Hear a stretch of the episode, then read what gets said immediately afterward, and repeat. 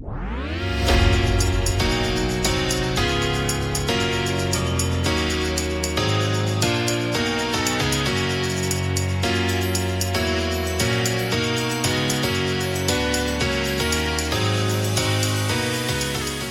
är inte nöjd förrän 50% är muslimer och eller afrikaner.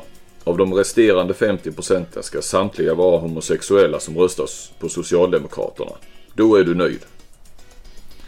Vadå osannolikt har många som satsar på handboll? Man tar väl ut bästa laget, man kör väl inte med kvotering. Då kan man lika gärna lägga ner.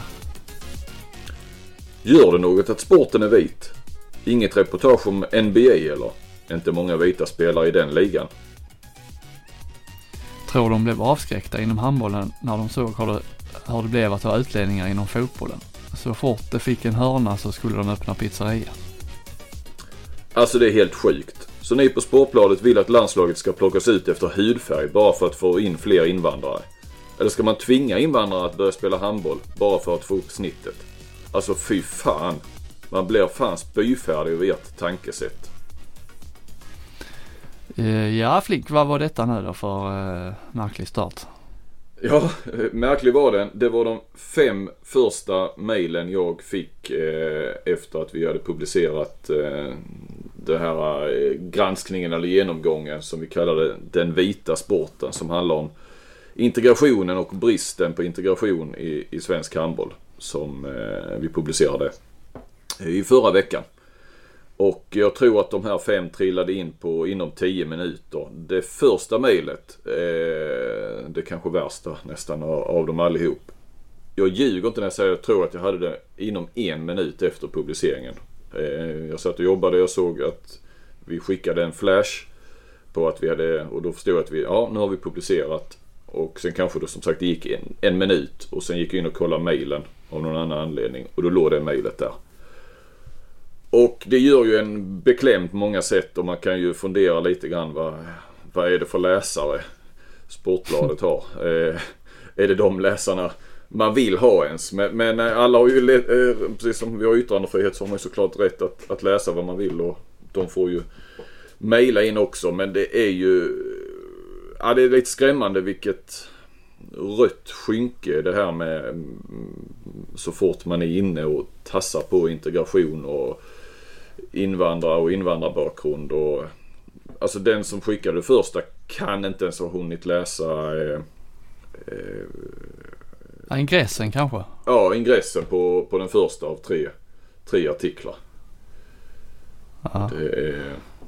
Och då är det ändå liksom, det är ju ingen eh, eh, det är ju inte liksom några sensationer. Det är inga, inga bomber. Man har ju det här så har det ju alltså Det har ju varit välkänt att handbollen har ju varit har varit rätt eh, svaga på det här med alltså få in eh, utlandsfödda och, och så här in, i, i sporten.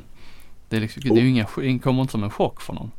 Bara nej, nej. Man får det liksom i, bara för att man får det liksom i, i en eh, rejäl då liksom med rubriker och ingresser och en rejäl genomgång liksom. Så oj, då blir det eh, ilska direkt. Mm, mm.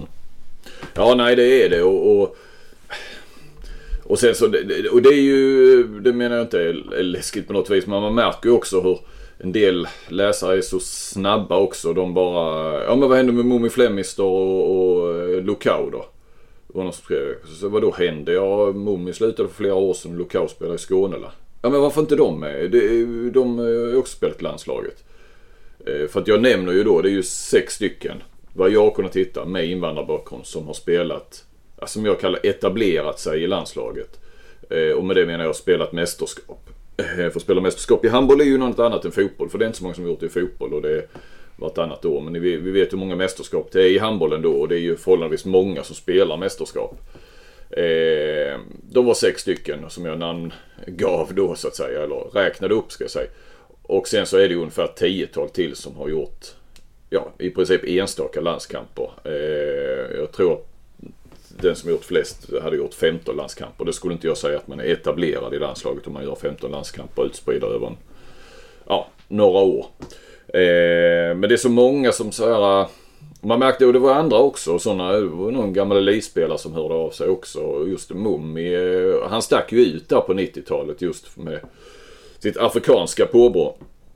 Eh, och eh, nej men hur folk liksom inte riktigt läser till till punkt till sista utan att man bara ja, man reagerar så. Fick en hel del också vilket man kan på ett vis gilla med handbollen. För det är ofta som jag gör en lista på i handbollsligan, rankar de bästa nyförvärven. Då kommer det alltid, när kommer den på damerna? Eh, jag tror jag varit inne på det tidigare. Och jag kan gilla det tänket att alltså, handbollen har kommit så långt i sin jämställdhet. Där har man kommit långt, det har man inte gjort med integrationen. Eh, ja men kontra fotbollen, för jag är helt övertygad om att eh, när eh, Robert Laul och Per Boman gör en lista i, i, inom allsvenskan så, så, kom, så får inte de svaret eller reaktionen att eh, när kommer listan på, på damallsvenskan. Eh, så jag kan gilla den inställningen men, men det var många som bara tyckte liksom nästan inte att granskningen, många ska jag inte säga, men några, att det var liksom inte värt någonting eftersom vi inte hade nämnt damerna och gjort motsvarande på, på damsidan. Men jag nämner ju i, i eh, text, en av texterna att, att det ser ju ungefär likadant ut på damsidan. Det vet vi ju utan att... Eh, för att det, det här har tagit sin tid. Att, att liksom gå igenom alla i princip och, och verkligen och dubbelkolla vissa, vissa ursprung och Alltså man vill inte missa något. Eh, jag trodde ju att jag skulle ha missat någonting. Erik Hajas var ju jäkligt nära att missa. Eh, vars far kom från Ungern 1956. Eh, jag vet inte om hans mamma är, är från Ungern eller från Sverige. Det vet jag faktiskt inte. Men jag försökte få tag i Erik Hajas. Han, han, har jag inte fått tag i på länge. Jag vet inte om jag ändå inte har ett nummer. Men det har jag nog om jag, när jag, jag tror jag hittade på nätet också. Det var länge sedan Erik Hajas figurerade i media. Ja. Kul. Ja, men jag har haft så här väldigt enkla frågor. Det var något annat då i våras när jag höll på när Bengan Boys var som bäst och drog då ett sms eh, till eh, ja, 10 av dem, 12 kanske. Fick svar från alla men inte ett ljud från Erik Kajas. Och nu vill jag ju liksom bara dubbelkolla vad, eh, om det stämde att hans pappa kom från Ungern. Men Claes Elgan hade ju svaret på det såklart. Så att, att hans pappa kom från Ungern. Men det var ju på med damsidan då, alltså som sagt att det tar sin tid. Och nu gjorde jag bara på, på här sidan men alltså det gäller ju för svensk handboll ändå. Eh, totalt sett. Det vet ju du som är hyfsat insatt att det är ju ingen... Det kanske ser lite, lite bättre ut möjligen på, på damsidan men det är ju ingen... Ingen eh, knappt noterbar skillnad egentligen. Nej. Men du hade ändå, det, det verkar ju vara lite mer på gång i alla fall. Lite att, att man jobbar, bett på, jobbar bättre eller mer, man tänker mer på det nu eh, än vad man har gjort, gjort innan. Ja, ja, men det finns en helt annan medvetenhet och, och, man lägger mycket resurser på det från, från förbundet. Och sen är detta att alltså det kommer ju säkert att ta väldigt lång tid att eh, göra det här bättre och innan vi ser kanske ett resultat på elit och, och landslagsnivå. Eh, och sen har jag full förståelse för att de flyktingströmmarna som har kommit under ja, stort sett 2000-talet. Det har inte varit från länder, de, ja, från länder med i princip ingen handbollskultur alls. Så att det är ju inte så konstigt att, att vi inte hittar många från, från de länderna. Men, men eh, som jag skriver där också, och det har jag ju nämnt tidigare. När det kom 100 000 från, ja, framförallt från Bosnien, men eh, från Balkan under 90-talet och, och kriget där.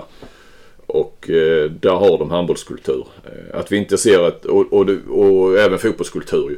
Och vi ser ett otroligt avtryck i, i svensk fotboll. Eh, från de här och barnen till de som, som kom då. Medan i handbollen så är det ju otroligt få. Så att eh, där menar jag att där, gjorde, där har man ju missat någonting.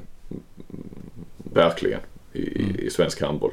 Och så finns det ju hela det här rätt mycket nu pratar vi utifrån ett elitperspektiv och missade talanger och om Sverige skulle, landslaget skulle kunna vara bättre och svensk handboll skulle kunna vara bättre. Men det ju, finns ju en, det finns ju hela det här sociala det är ju, det är ju framförallt det så förbundet jobbar med, med nu. Att, att man har en samhällsnytta och hela den biten. Och är man engagerad i en handbollsförening som jag är så, så vet man att det finns mycket eh, bidrag, fonder, sådana saker att söka för att göra insatser i, i eh, utsatta områden och så. Eh, så att eh, det finns medel till det. Och, men då, då snackar vi ju mer att, att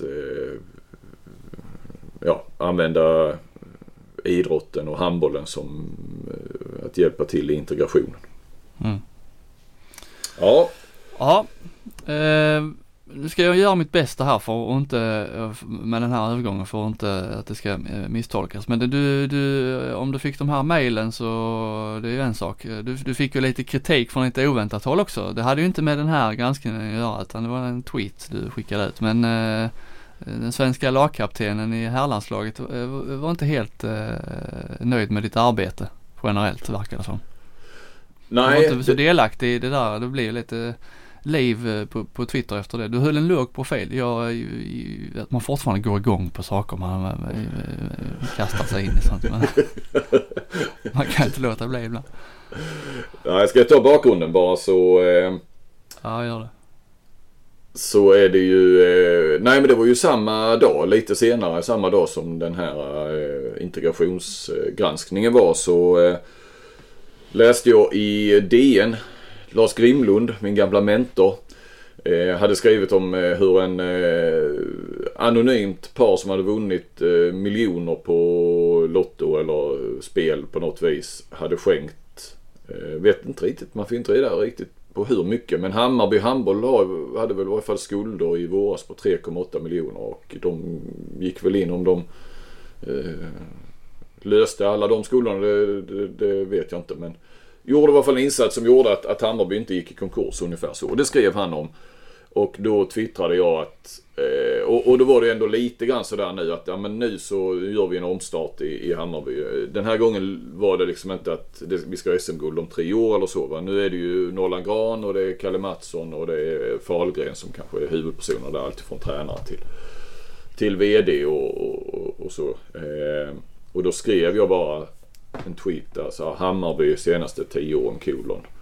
Eh, ja, jag vet inte vilken ordning men det är ju det är ju miljonskulder. Alltså nya, ny klubbledning och så upptäcker de nya eh, miljonskulder och sen är det någon, eh, nya storslagna planer och sen så går det ett par år och sen så kommer det fram att det är nya miljonskulder eller och så tar en ny klubbledning. Ja, liksom en, ett ständigt någon sorts ekorrhjul eller ond spiral eller vad man ska kalla det. Eh, och då skrev jag så och då skrev Patrik Fahlgren att han tyckte att vad jag var negativ. Eh, och jag kan ju förstå att, att den eh, tog lite grann kanske i Så det här var en tweet. Så det var inte, och det var ju mest, jag tittar ju bakåt, så har det varit. Och jag har inga, jag gillar Mattsson och Fahlgren och, och Nollan och så va. Men han tyckte ju liksom så. Jag kan förstå att den tog lite sådär. Men fan nu är de några nya här nu som, som, ska, som räddar Hammarby och, och ska eh, skapa någonting nytt. Så det är klart den var lite så. Och då kom ju eh, Gottfridsson med sin tweet där att eh, eh där han svarade väl mig och Fahlgren att eh, jag skriver 90% negativt om handboll och tror att jag är viktig.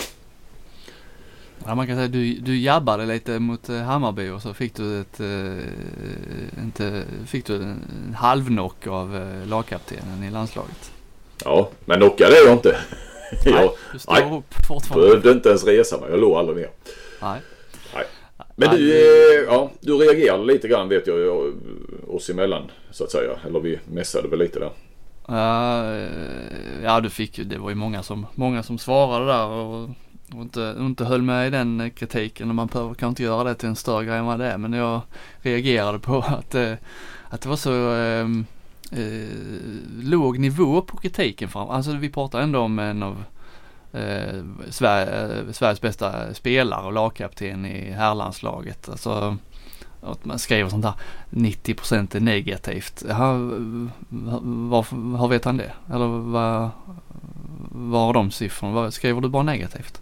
Mm. Och är liksom inte det din yrkesroll? Eh, fan, eh, formulär 1A, eh, journalist ska kritiskt granska. Ja, och dessutom är det ju, vadå bara negativt? Bara, det jag tycker bara så tramsigt.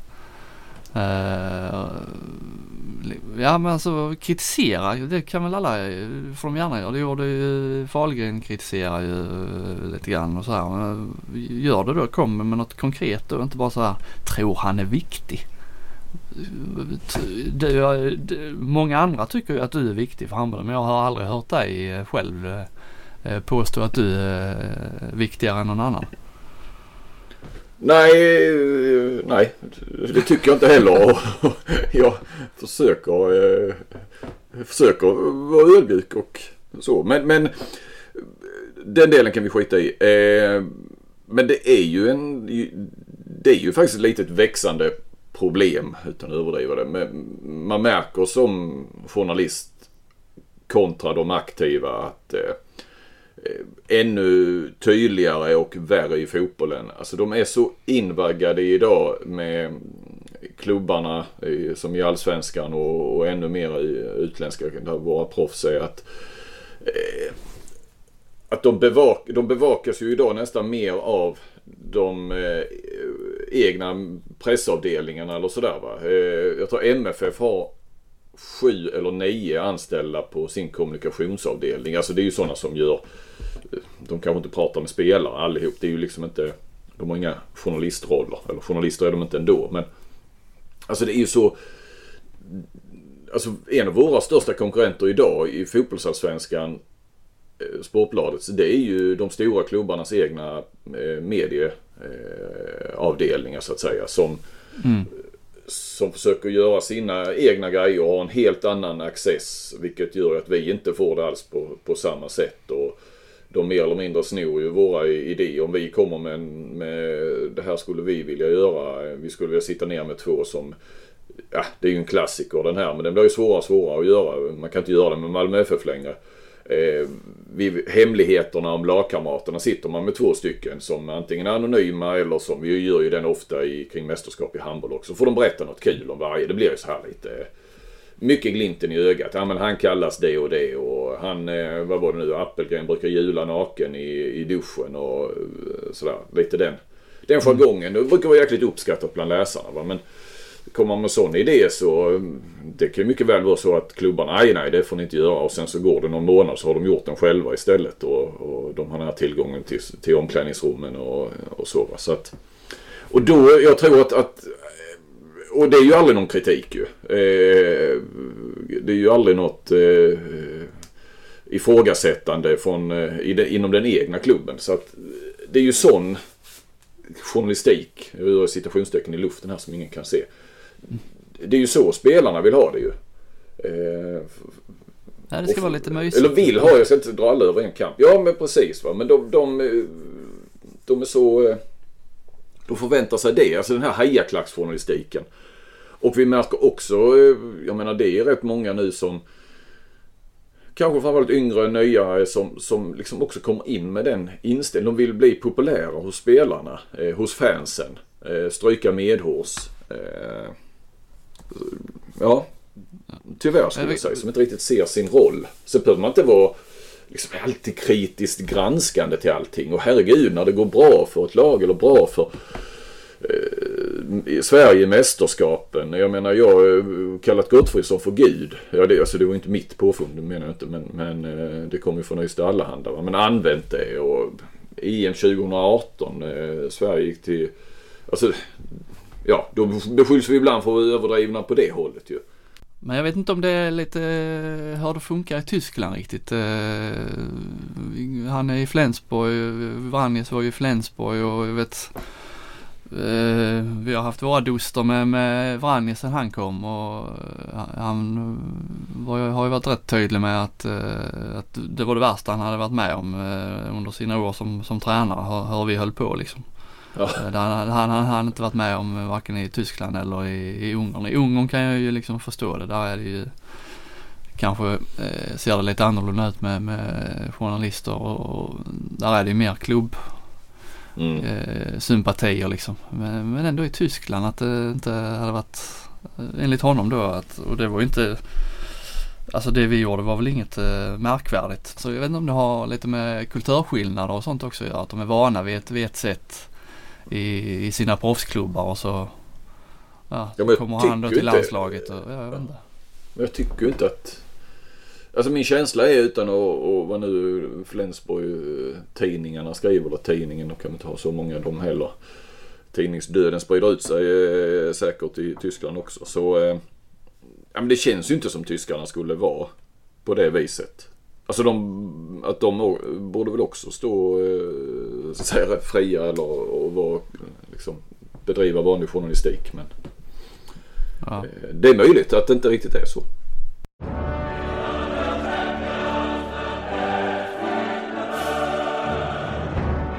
Fönster mot handbollsvärlden Flink. Vi har ju eh, dragit igång, eh, ja Champions League har ju pågått eh, några omgångar och nu har ju de svenska lagen klivit in i det nya då, European Handball League.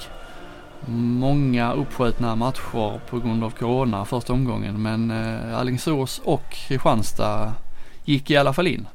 Och det blev ju ingen bra start. Två förluster direkt. Ja. Så du. Ja, ja absolut. Eh, Alingsås knappt på hemmaplan mot Nex. Och, och Kristianstad förlorade lite större borta mot Berlin. Ja. Eh, att Kristianstad förlorade mot Berlin eh, är väl i sin ordning kan jag tycka även om det eh, var en rätt risig start på andra halvlek där Berlin gjorde ju alltså 9-0 de första 10 minuterna. Ja. Eh, avgjorde matchen där. Men jag fastnade egentligen lite mer eh, med Alingsås-matchen där. Eh, där det kändes hela tiden, följde, satt och kollade på hela den och, och liksom kände, ja men det här kommer nog Alingsås att lösa. Alingsås spelar ju bättre. Enligt mitt, mitt sätt då att se på handbollen, eller mitt val, man har blivit van vid ett visst sätt hur handboll ska spelas. Så därför, ja, Alingsås var, spela lite fyndigare, eller nej, fyndigare fel ord, spela lite snabbare rakt på. Medan då Nexe var vad kroater brukar vara.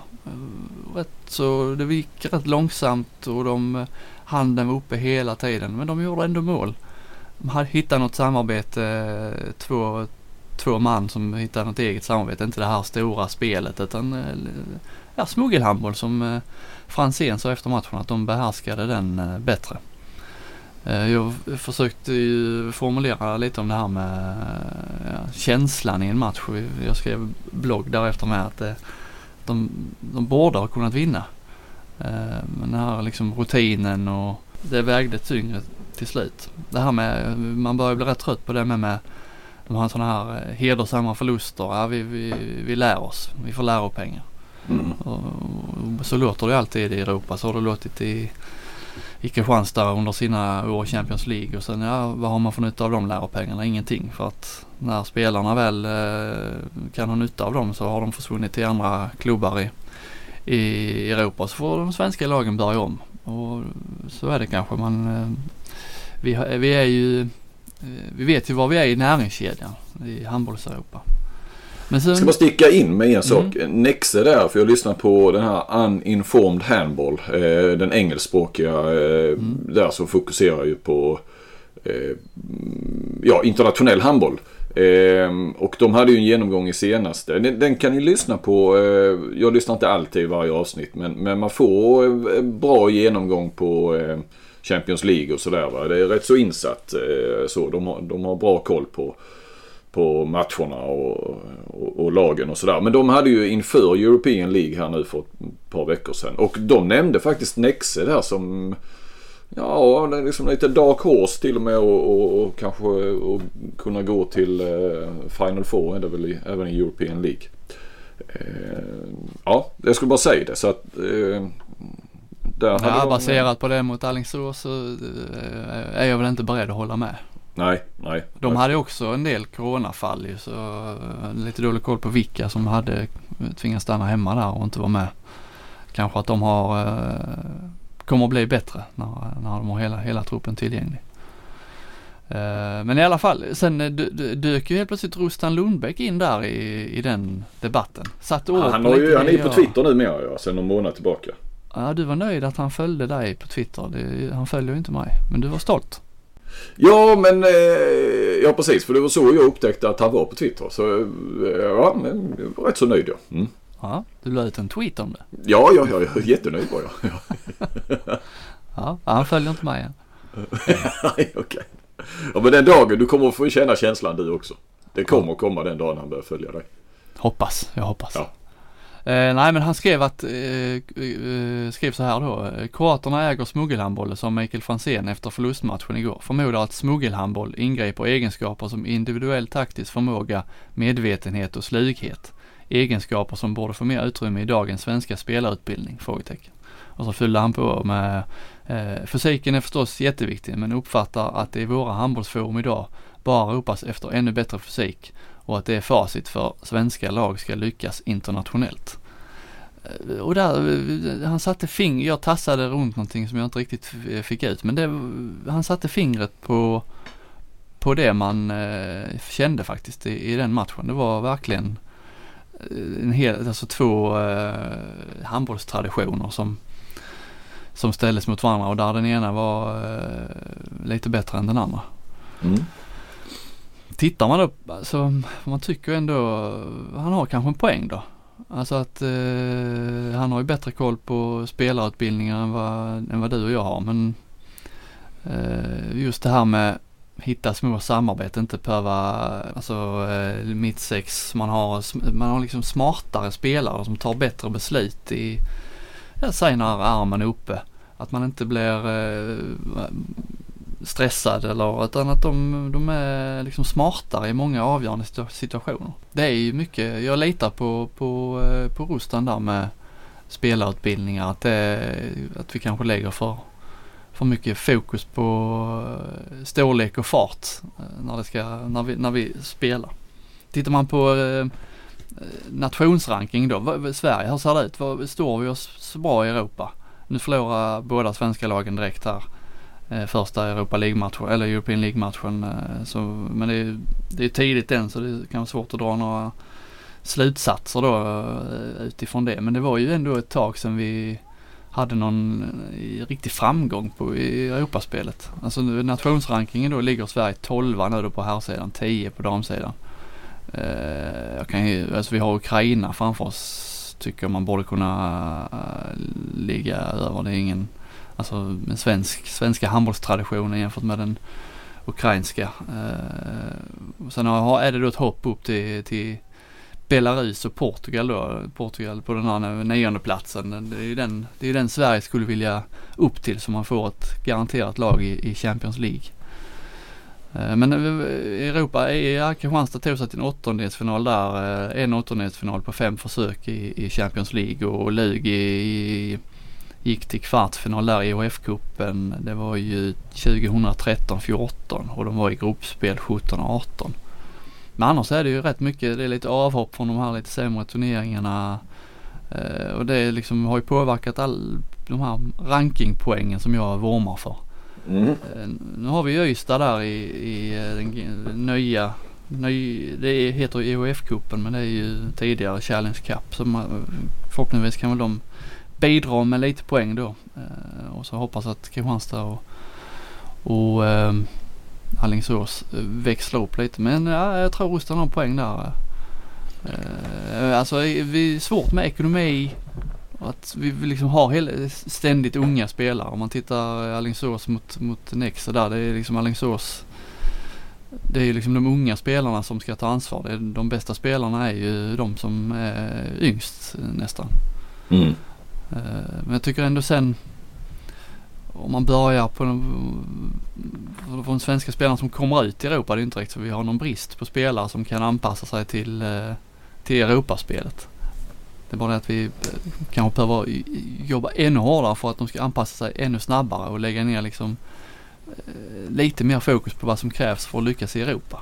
Det känns fortfarande som att Europaspelet är lite så här, ja, det är en liten bonus. Mm. Det är liksom handbollsliga och så Europaspelet. Det får gå som det går. Det, det, ja, vi lär. Det är, liksom, det, det är en eh, investering i klubben att spelarna utbildas och så och det är kul, alltså man, det är kul för spelarna att de utbildas så att de kan komma ut. Inte så mycket fokus på att Europaspelet det ska vara bra för klubben. Uh, här och nu. Eh, är det för lite pengar då för att det ska vara om du tittar i fotbollen så, så är det ju så otroligt stort och viktigt och fantastiskt att eh, till exempel gå in i Europa Leagues eh, gruppspel. Eh, det är det. Och det ger ju 40, 40 miljoner eller någonting. Skulle MFF tjänat nu om de hade gått dit. Och ja, i slutändan blir det ju ännu mer om man tar några poäng och det, det är lite TV, någon TV-pott som fördelas och så vidare. Så att, mm. Ja så är det ju. Det är ju nu är det ju, nu har de ändå höjt prispengarna. Alltså i European League nu får man ju ungefär lika mycket eh, eller prispengar, vet inte, man, man får ju ungefär lika mycket bidrag eh, som man fick i Champions League då tidigare. Sen har de ju höjt Champions League nu så att det, det är lite högre. Men det, det är ju ändå liksom inga, det är ju inga pengar att prata om utan eh, med de pengarna går man väl plus minus noll om man räknar med resor. Och så förväntar man sig då att man ska kunna gå plus på turneringarna genom eh, biljett och sälja biljetter till hemmamatcher. Men nu när inte det går under corona, ja då är det ju liksom då får man nog kämpa för att få det plus minus noll. Alingsås sa ju där till dig där att de äh, räknar ju med att gå minus. Och mm. Kristianstad hoppas väl kunna gå plus minus noll men äh, har väl också flaggat lite för att äh, det inte blir någon bra, bra affär i, i år. Nej. Men sen det är ju liksom Går de plus, ja, jag tror Kristianstad gått plus en halv miljon på sina Champions League. Alltså varje gång man har varit med i Champions League och det är ju inga, det är ju inga jättesummor direkt. Så att det, och det är ju där det är ju ekonomi som, att, som har gjort att klubbar har eh, tackat nej till Europaplatser. Det är ju en katastrof. Så, så vi spelar det in. Samtidigt då så man, man får ändå konstatera att andra europeiska lag är ju med i de här små kuporna hela tiden. Det, är, det, är inte, det är liksom inte mer prispengar i något annat land än vad det, vad det är för de svenska lagen. Nej, nej, nej, nej. Och, och, eh, men det är ju inte heller de, alltså storklubbarna, eh, det är inte inkomster från de som är med i Final Four varje år. Det är ju inte de som får de klubbarna att gå runt heller. Alltså för, det, för, för dem är det ju också små, små, små, små, ja. ja, ja i, i de sammanhangen. Så att, eh, ja, det är, ju bara, det är ju så det är i handbollen. Jag menar, eh, det går inte att jämföra med fotbollen. Pengarna på alla nivåer är ju mycket, mycket lägre. Mm. Vi får hoppas på att eh, EOF de, de jobbar på att sälja turneringsnamnet nu här, European League. Att det ska få in en sån storsponsor som de hade till Champions League innan med Velux. Ja. Att det ska inbringas, att det kan bli eh, mer prispengar där också eh, framöver. Men kanske eh, ett önskvärt från din sida eller vår sida. Ja men det hade varit roligt med lite ännu mer satsning på Europaspelet och inte bara se det som att mm, en bonus och att man lär sig lite grann och, och så. Ja och då får man, man kanske börja, börja nerifrån. Som Rustan sa. Han, eh, men han har ju alltid varit för den här, eh, i min känsla och min erfarenhet, alltså den här sluga handbollen. Eh, som man får ju lov att säga då att Nexe stod för nu och smuggelhandbollen och det här. Det har ju ändå varit ett lite grann signum för, för Rustan ändå ju.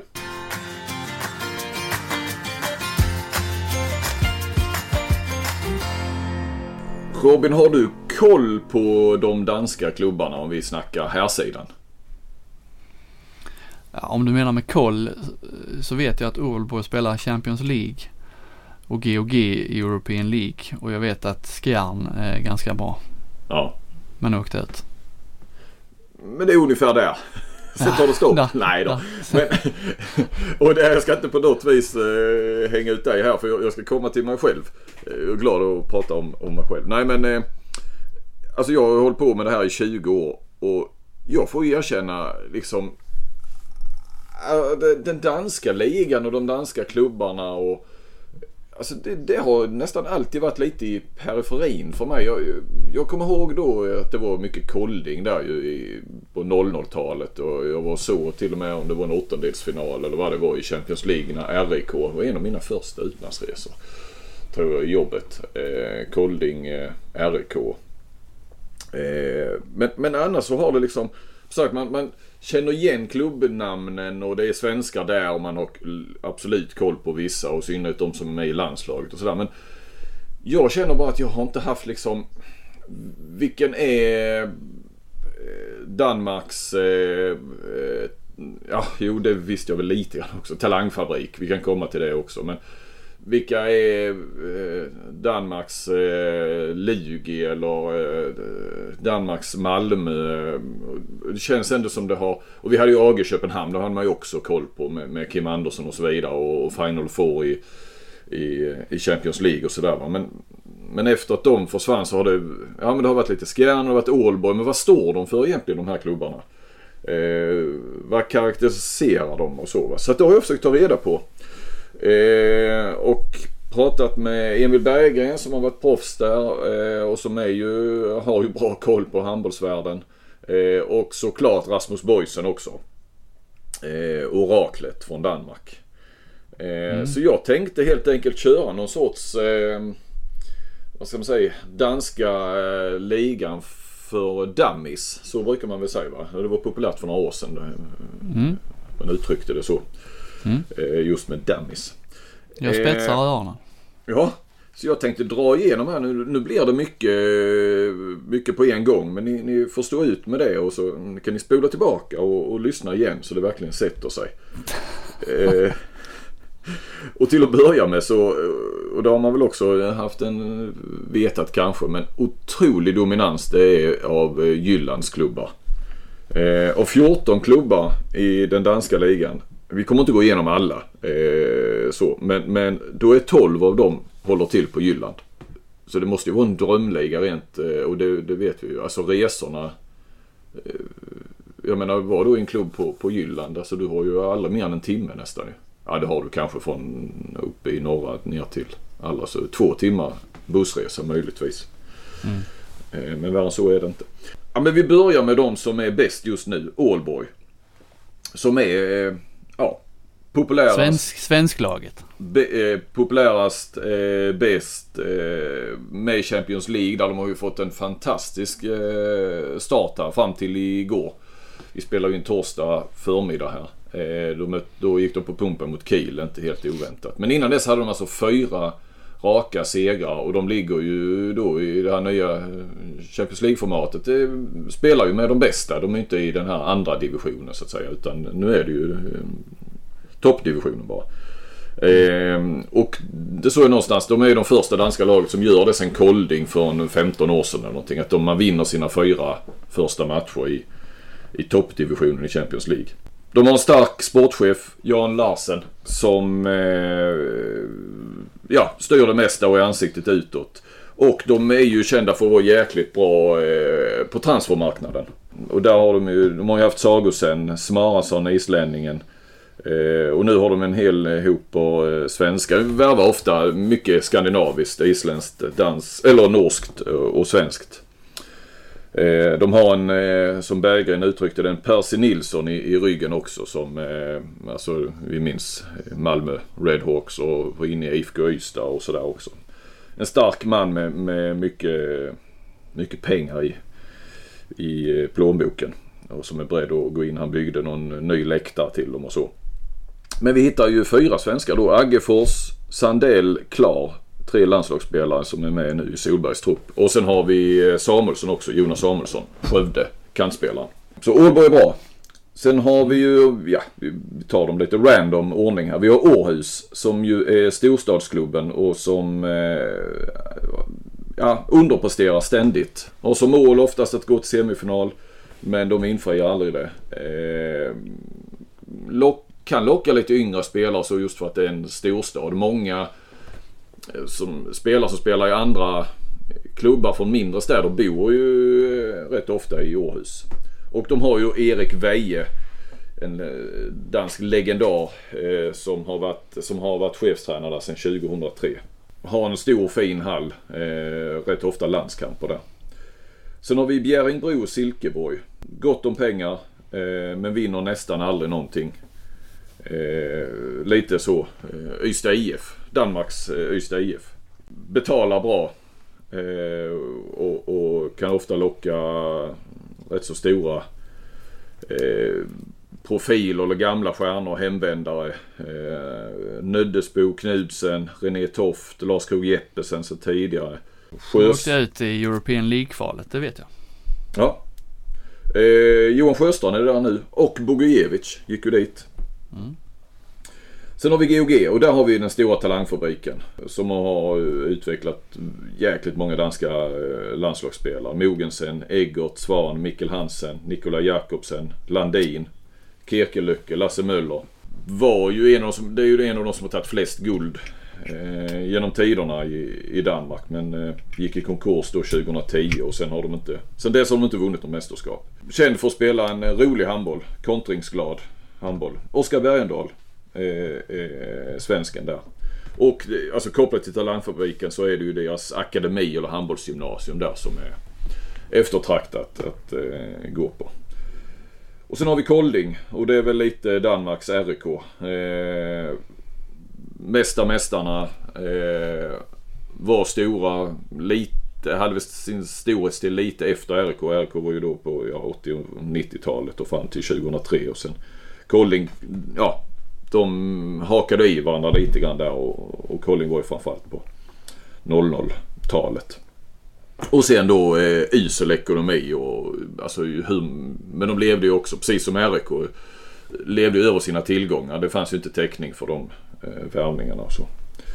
Som de gjorde och de lönerna de betalade så att eh, ja det är ju en, eh, den, de är inte alls vad de har varit. De, de har eh, Flodman och eh, Morsten svenskarna. Eh, rätt stor arena, en sån arena på 5000 drygt också. Precis som Ålborg och Århus har. Så har vi Mors Ty som inga svenskar, inte ett stor, storklubb precis, men ligger med i toppen just nu i den danska ligan. Eh, deras hemmaarena kallas Lilla Balkan för att det eh, är tydligen en jäkla bra stämning. Eh, ger talangerna chansen, bra på att utveckla talanger också. Men har inte så mycket pengar. Och sen har vi Esbjerg som fick in en, eh, en storsponsor för fem år sedan. Och eh, efter det var det som boysen uttryckte det, blev känt som ett dårhus. Som, som byter tränare. Alltså det blev så mycket pengar helt plötsligt och nu så skulle det gå snabbt, kortsiktigt. Eh, och kanske betala då lite för höga löner till för lite ålderstigna spelare. Eh, skiftar mycket tränare kanske jag sa där ja. På tal om gamla spelare så är faktiskt Larholm där nu. Och vad jag har förstått har gjort lite grann succé där. Eh, bara sett på Twitter och så. De om det är klubben själva som lagt ut. Han har gjort mycket mål emellanåt. Han är ju assisterande spelande tränare där. Eh, men de har verkligen floppat de sista åren. Eh, och ligger i botten nu också.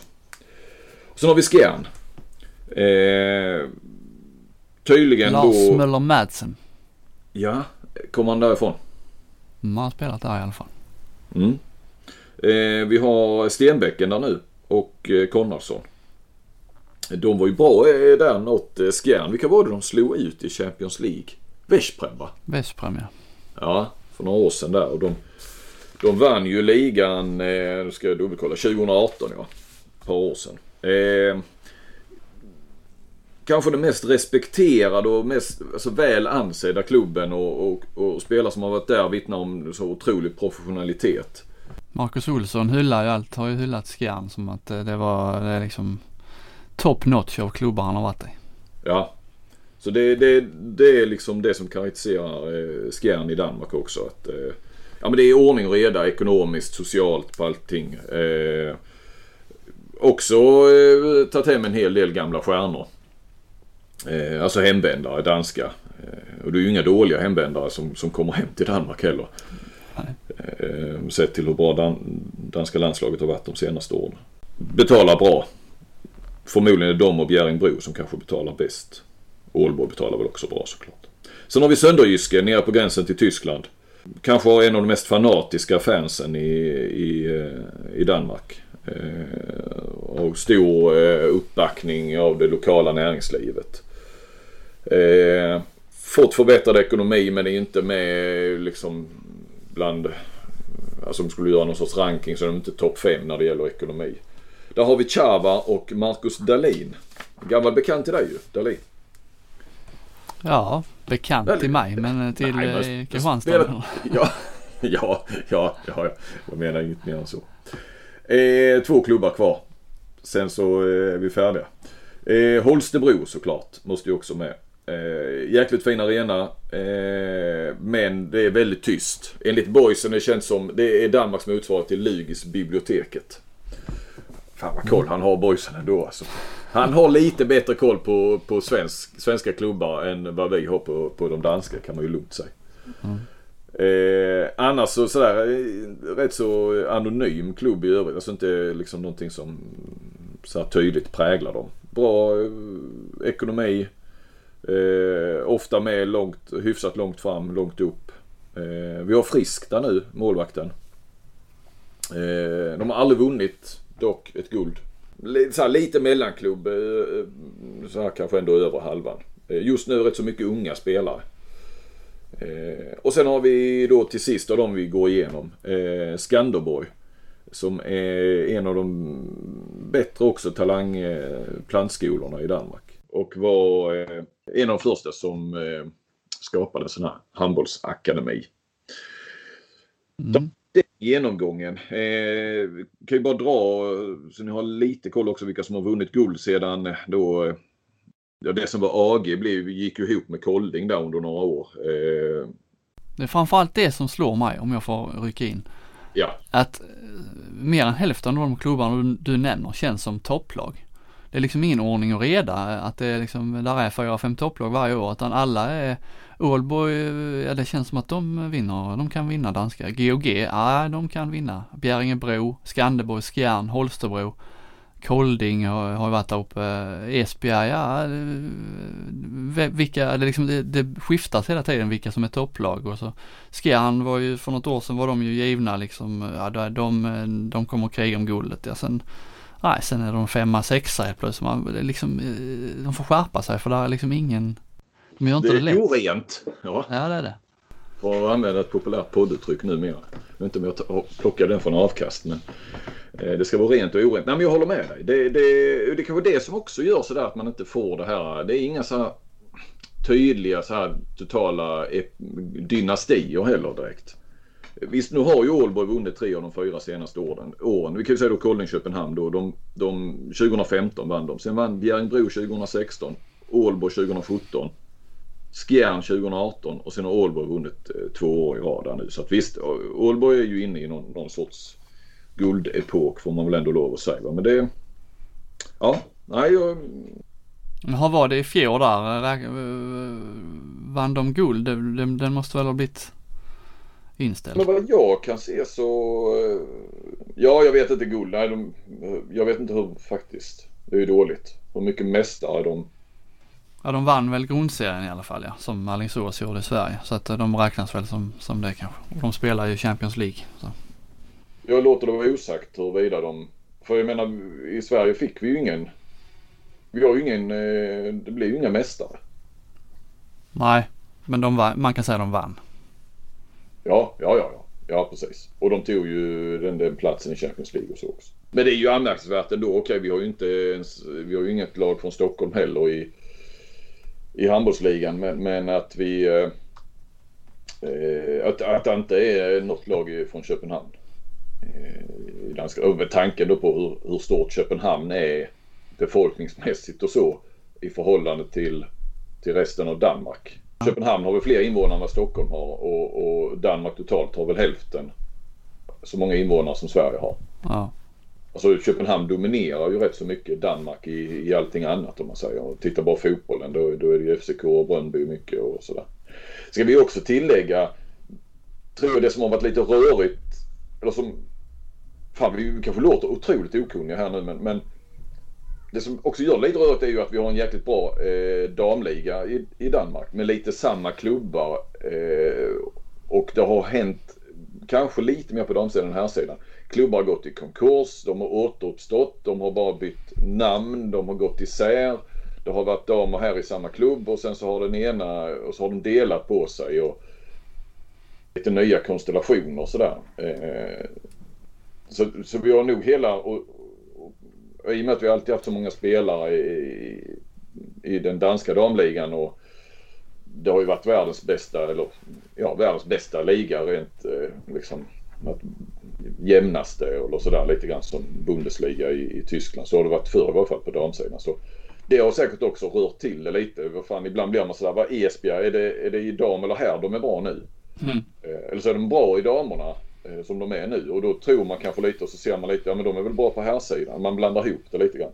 Och det är lite mm. samma, samma klubbar, namn och så vidare.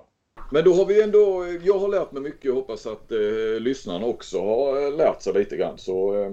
Du hade inget på de här Lemvigs? Nej, ja. men de kommer från Jylland. Ja. Det har jag dubbelkollat i varje fall.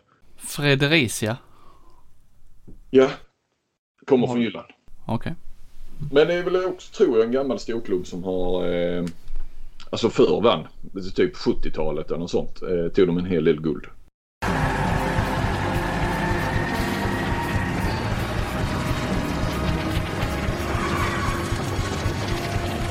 Ja, det var, eh, det var gingen till veckans topplista då. Och eh, nu är det Flink, nu är det min tur att eh, ranka topp 5. Veckans topp 5.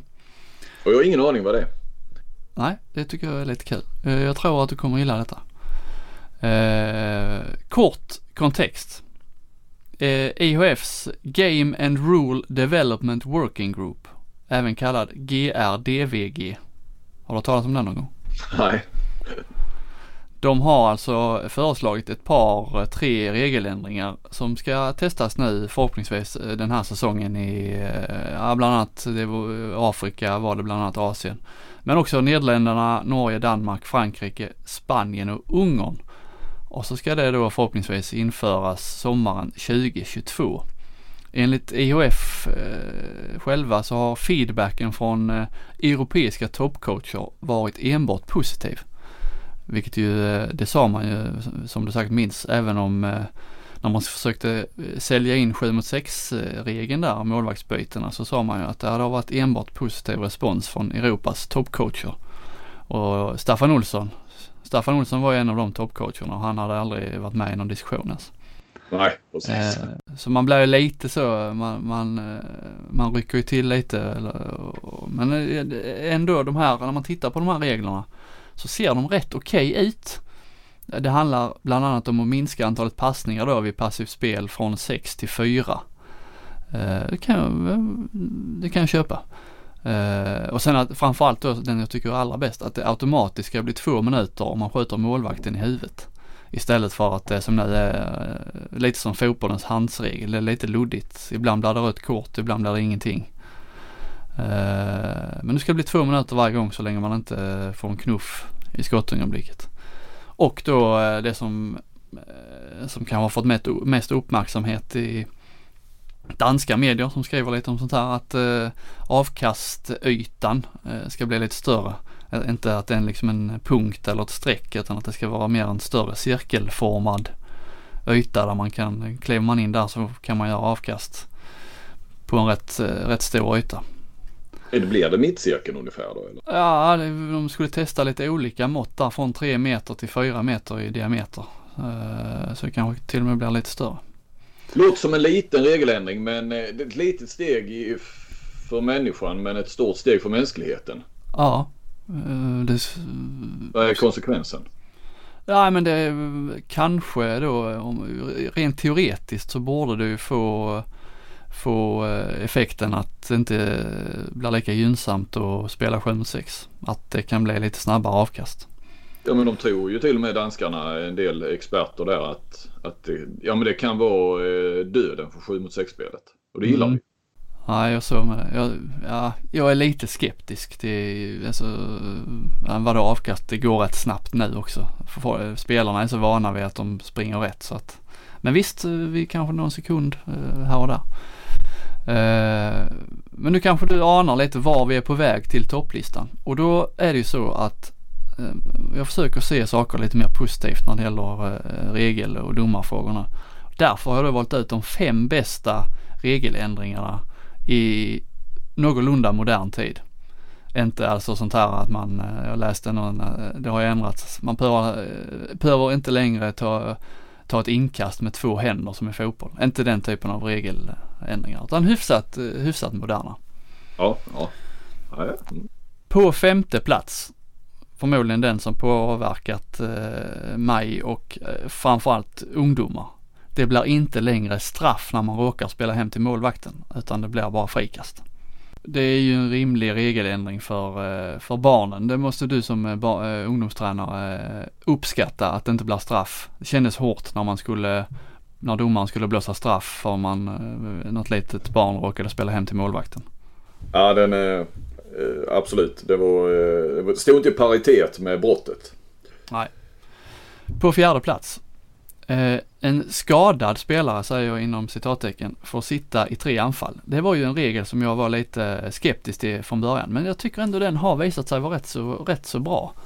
Att eh, spelare som lägger sig ner eh, för att eh, lite påverka spelet, sakta ner motståndarnas spelvändningar kanske. Eh, utan att det har föregått, eh, föregåtts av ett regelbrott. Att den spelaren då måste gå ut och sätta sig på bänken i tre anfall. Tycker inte man ser särskilt många spelare. Är det någon som faller ner och, och kvider lite så är de snabbt upp igen för att man ska undvika och ta in, ta in sjukvårdare. Den tycker jag har fallit rätt så bra ut. Du vet vilken regel jag menar? Absolut, den kom väl där i sam, det var samtidigt som 7 mot 6 spelet i OS 2016 där någonstans var det. Ja. Eh, fotbollen borde ju titta på den på något vis. Ja, verkligen. Verkligen. Eh, nummer tre. Rött kort på målvakt Eh, vid kollision utanför målgården. Eh, den, den eh, är ju bra, alltså skaderisk. Sen är den ju, kan den ju bli lite petig så ibland när det är någon liten, liten kontakt. Men hellre det än att, för det, det, det, har ändå gjort att målvakterna tar det jäkligt passivt om de ska ut och försöka bryta en boll och de är väldigt noga med att akta sig om de känner att de kommer fel. Så det tycker jag, det har, det har gjort spelet lite säkrare. Sen har ju 7 mot 6 regeln gjort spelet farligare. Men nu är vi positiva så att bara den här röda kort på målvakten den det har, det har varit ett, är en bra ändring. 100% positiv denna lista. 100% positiv. Nummer två. Rött de här sista 30 sekunder regeln med typ då om vi tar Johan Petterssons EM 2002 när han går in och försöker bryta tyskarnas avkast där. Det blir ju numera, där, där blir det ju ingenting mer än två minuter tror jag. Nu blir det ju numera rött kort då plus att eh, det drabbade laget får straff om det sker de sista 30 sekunderna.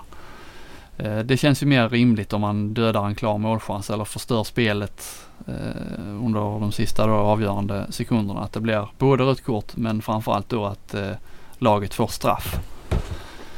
Det är också en väldigt, väldigt bra regel som jag vet är uppskattad både av lag och, och domare. Och på första plats, kanske den mest givna då, men det är ju avkastregeln. Som ju kom, eh, var det millennieskiftet tror jag va? Ja, vet jag har försökt reda ut det där. Det råder rätt så delade meningar men det är nog rätt så exakt eh, millennieskiftet ja. Först var det ju att man inte behövde vänta in motståndarna. Eh, att motståndarna skulle springa hem och vara på sin egen planhalva innan man eh, kunde dra igång. Det var ju den första ändringen. Sen kom, ändrade de ju, justerade de den lite till att eh, när domaren väl har blåst avkast så får de egna spelarna springa över eh, mittlinjen. Eh, det vill säga innan, eh, innan eh, avkastet har, har eh, skett. Det är ju en regel som har kanske den av alla regler som har förändrats hela sporten i grunden. Till det mm. positiva. Mm. Med mycket snabbare spel och, och ja, jävla häftiga sekvenser kan det bli med mål och kontring på avkast och kontring på avkast. Det, det är mycket attraktiv eh, har handbollen blivit efter att de införde det. Så Tappat det lite bara mål, målgester, eller målgester har det aldrig varit så mycket men eh, eh det här lite goa ljud. Om man, jag såg ju någon sån här RK Drott Sutta upp i, i våras somras. Eh, de gjorde mål så eh, det är inte som, inte som fotbollsspelare. Men de kunde ändå unna sig lite, njuta lite, jubla lite och jogga, jogga hem. Ja, annars handbollen generellt är rätt dåliga på att jubla. Där är ju mm. kanske den största skillnaden mellan dam och herrhandboll. Damspelarna blir ju glada när de gör mål. Herrspelarna mm. eh, säger nästan att det blir deppiga. Ja. Bryr sig inte. Ja. Det är ju inga sådana här, man ser inte sådana här Per Carlén-firande när han står och drar armarna längs med kroppen. Han gör mål inne, inne på linjen. Det, det, ser man inte alls längre. Visst, där har du en poäng. Det, men jag tror att det är ett pris vi får betala för en roligare handboll. Absolut, beredd att betala det. Ja. Det var min topp 5-lista. Intressant och en eh, lite, ja, typisk eh, Robin-lista såklart. Det blir lite, ja. det blir lite handbollsjuridik. Ja. Det gillar vi. Kommer du ihåg också GRDVG framöver? Kommer aldrig att glömma. Nej. Du kan väcka mig mitt i natten. Roman Gallego, spanjoren som eh, en av eh, arkitekterna bakom 7-6-regeln. Han är ju med i den här, eh, jag tror han är någon slags chef för den här gruppen. Mm. Mm.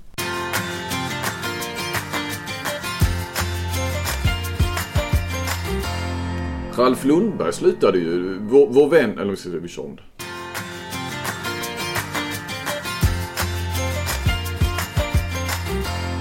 Vår vän Ralf Lundberg, eh, ni känner väl till honom, ni lyssnare. Förbundets eh, någon, eh, ska säga, nästor som har suttit på, eh, i de flesta kommittéer. Han eh, tackar ju för sig för eh, något år sedan men eh, det finns fortfarande all anledning att eh, ringa Ralf då och då. Har det visat sig. Jag tror jag pratat med honom två gånger bara den senaste månaden. För han är ju fortfarande involverad i, i lite allt möjligt. Och eh, nu handlar det lite om, om eh, coronarestriktioner och sådär. Och då, då, eh, det var Ralf man skulle ringa. Fick jag tips om. Det var han som hade koll. Och jag gjorde detta i, igår. Och eh, vi började snacka lite grann. Han satt i bilen. Han sitter ofta i bilen när man pratar med, med Ralf. Eh, och eh, vi, jag vill egentligen bara ge en... Vi ska eh, sända ett litet ljudklipp här nu. Eh, bara mest för att visa hur det kan vara att, att intervjua Ralf Lundberg. Att man alltid får eh, med sig någonting mer, eh, lite stickspår. Så att eh, det här skulle handla om coronarestriktioner. Eh, det gör det. Eh, ja, lyssna här så fattar ni. Eh, oavsett om det är målvakt eller utespelare, men om en spelare får det är inte mig de är ute efter du. Eh, om, en spel... om en spelare får bollen i ansiktet så ska man byta ut den. Ja, eh, ja vad är det med... Oj. Jag är borta vid Flemingsberg. De har väl någon så här eh, hovrätt eller tingsrätt eller något. De har ett jättestort polishus har de här borta. Va? Så det kan ju vara någon som kanske försöker smita. Det är ju populärt nu att smita från fängelse så det är möjligt att det är något sånt. Ja men det, så det, mm, ja. Det är väl, visst är det, jag vet inte, det är jätte, jag spetsade, jag spetsade öronen när jag började höra eh, eh, Sirener. sirenerna i bakgrunden. Jag tänkte jag, ja, nu, nu kommer, nu kommer stickspåren. Ja, det, det, det, skulle handla om coronarestriktioner och corona kommer vi inte ifrån helt ändå. Man får, vi får ändå nämna att eh, förutom publiken så det första riktiga liksom konkreta tecknet på corona, har det påverkat, vi är ju nu med, vi såg ju IF här i, i veckan som eh, sa upp både Proppen Karlsson och Jörgen Hansson då från eh, kansliet. Proppen eh, en slags utbildningsansvarig där och Jörgen har ju haft marknadsföringsroller har jag uppfattat som. Eh, ska båda två sluta som direkt konsekvens då av, av Corona så det börjar ju synas på ett lite tråkigt sätt här. Eh, det, det, just, det är ju ändå personer man inte bara ersätter hur som helst. Det är ju ingen klubbchef som kan gå in och Andreas Narcell, han har jobbat på, eh, inom Skånemedia innan. Nu är han klubbchef för Ystad IF för övrigt. Men mm. han går inte in och blir, tar över, eh, har jag svårt att se att han skulle eh, liksom ta över proppens kompetens till exempel på, på nej, nej. den är rätt svår att ersätta. Det är ju trista effekter av corona. Ja, verkligen. Och det är ju, jag tror Avkast var inne på det i den senaste, sitt senaste avsnitt också. Att vi, vi vet ju inte, vi får inte veta heller riktigt hur, hur illa är det med klubbarna. Och vi misstänker att det är värre än vad man, vad man säger. Och det är lite, du har ju också efterlyst liksom lite tydligare i debatten då från eh, svensk handboll. Eh, att man mer tar debatten kring eh, corona och stöd och RF och pengar och och sådär va. Men eh, ringer du de här, sen har de väl, de får väl inte uttala sig om enskilda klubbar eller så. Men både Nikolas och Peter Gensel som sitter då i Svensk Elithandboll där va. Att, ah, va, ah, det inte, ser inte så bra ut eh, sådär va. Men man får inte det riktigt. Eh, eller hur va? Vi misstänker väl att det är alarmerande. Men, men man får inte det intrycket. Och jag vet inte riktigt vad, vad syftet är med den hållningen. Att inte riktigt säga hur illa det är. Uh, ja, ska vi bara nämna lite kort uh, Solberg tar ut sin första landslagstrupp. Det var ju uh, ett tag sedan här nu men uh, där var ju ändå några, Niklas Ekberg tillbaka Jerry Tolbring petad, Simon Jeppsson petad var väl det jag tänkte på direkt när jag såg så truppen. Hur, hur, hur reagerar du? Eh, nej, det var väl också det som stack ut så att säga, eller var det nyhetsmässiga. Eh, känns ju ändå som en, en tydlig ändå nystart. Alltså han, han eh, tar ju eh, tillfället i akt att, att eh, ändra lite. Han har ju haft väldigt lång tid på sig också samtidigt som det inte har varit någon handboll på ett halvår. Så han har ju ändå totalt sett haft lång tid på sig att eh, eh, kartlägga spelare. Jag menar han, han eh, fick ju jobbet i, eller ja, det blev ju klart att han skulle få jobbet redan i mars i fjol och han började jobba väl första september på förbundet. Eh, och, så han har haft gott om tid att sätta sig in och, och, se vilka spelare det är han, han vill ha så att säga. Även om man sen måste gå på dagsform och, och det är ju skador och sådär också. Nu öppnade det sig väl lite då också med, med mm, lite nya namn då. Eh, på grund av skadorna på Jesper Nielsen, Fredrik Pettersson, mittsex eh, och eh, Appelgren eh, mm. på målvaktssidan. Eh, och sen så när jag pratade med Solberg där så eh, Jeppsson sa han det var ju ett tufft samtal att ta därför att eh, han tycker liksom, förstår ju på honom, det tycker väl alla att Jeppsson gjorde ju rätt som lämnade Flensburg, gick till Erlangen som har gått bra, han har gjort det bra. Eh, alltså att han, han, gör det här, tar det steget ner så att säga för att få mer speltid. Eh, och det behöver han ju och, och det kanske inte gör för att komma med i landslaget men det var ju säkert ändå att det skulle hjälpa till. Och så kommer han inte med. Eh, men att eh, det föll nog lite grann på just att eh, både Nielsen och Fredrik Pettersson eh, saknas. Då behöver man ha in en spelare som kan spela på, eh, som trio också. Jeppssons styrkor är ju inte i försvaret. Eh, Karlsbogård tog ju plats på, på eh, ja, räknades väl in där som vänsternia va, tror jag. Eh, mm. Han är ju duktig tvåvägsspelare. Och hade kanske fått plats ändå för han har ju gjort det bra och eh, har ju, vet jag har funnits med i Solbergs eh, tankar hela tiden. Alfred Jönsson med. Eh, också eh, kul så så att det var ju lite, lite nya namn. Mm. Jeppsson känns väl lite som han faller. Solberg sa ju där rätt tidigt eh, tror jag i någon intervju jag läste där med eh, anfall försvarbyte att han eh, vill ju eh, försöka få bort det. Jag gissar att kanske Jeppsson faller lite på det. Ja, ja precis. Ja, på tal om målvakter där med, med Appelgren borta så eh, trodde jag ju då direkt när jag fick höra det att eh, Tolin är ju liksom, han har ju varit så tydlig, varit tredje målvakt med i, i eh, mästerskap efter mästerskap. Och, eh, men nu byter de förbundskapten och då eh, tar han inte plats. Eh, trots att Appelgren är borta och tre målvakter eh, tas ut. Utan istället Johannesson och Aggefors. Men eh, jag har väl inte haft riktigt den utvecklingen eh, på, på sistone som ehm, Andersson hoppades under sin, eh, eller hoppades som han såg. Eh, och eh, också lite lite speltid i, i Magdeborg medan Aggefors och Johannesson står mycket. Och, mm, det är alltid svårt att, att, att generalisera så men det känns ju som att Solberg, för det finns alltid undantag, ändå har gått ganska mycket på att man ska med speltid och så. Jag menar Tolbring har ju inte visst, han får spela vissa matcher men det är ju eh, stora matcher och hemmamatcher så är det ju eh, Gensheimer som är nummer ett där ju. Så att, eh, mm. Men visst, Vanna har ju tuff konkurrens också men, men får ju spela mycket. Eh, det såg vi ju senast i, i derbyt mot Kiel där ju. Så att det eh, känns som att man har gått ganska mycket på, på de som spelar mycket. Mm.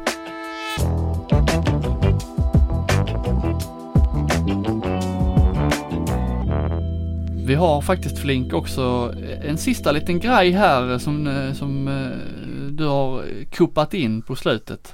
Eh, kanske ja, ett fast moment. Ja, kanske ett fast moment. Jag hoppas det.